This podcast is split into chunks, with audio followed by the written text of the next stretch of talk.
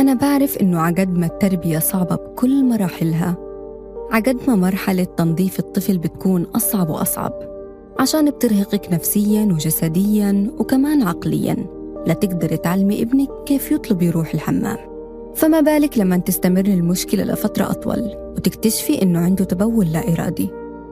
فالموضوع محتاج منك صبر ومتابعة لأنه طفلك لسه ما بيكون قادر يتحكم بمثانته. بس مع الوقت حيقدر فلا تنزعجي ولا تقلقي. بدك تعرفي إنه أول طريقة لحل أي مشكلة هو إنك تدوري على سببها عشان تتعاملي معها. لهيك في مجموعة أسباب عند طفلك بتخليه مصاب بالتبول اللا إرادي اللي هي الأسباب النفسية يعني زي لما ينتقل لبيت جديد أو يحس بالتهديد أو لما حد يعنفه. وكمان ممكن يكون حد من الوالدين كان مصاب بالتبول اللا إرادي فورث الموضوع منه أو مشاكل عضوية زي الالتهابات في الجهاز البولي.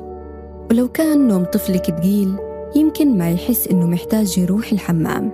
طيب كيف ممكن تنحل مشكلة التبول اللا إرادي عند أطفالكم؟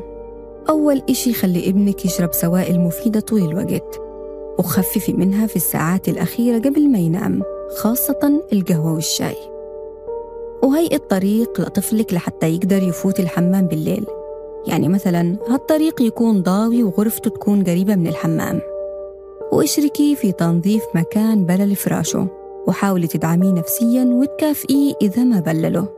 وتأكدي إنك وديتيه الحمام ليفرغ مثانته قبل ما ينام. إذا كنت من الناس اللي بتحب تسهر صحي ابنك بهدوء بنص الليل ووديه الحمام. وافهمي من طفلك إذا موجوع من إشي بيخليه يتبول. وأهم إشي تستشيري الطبيب مباشرة.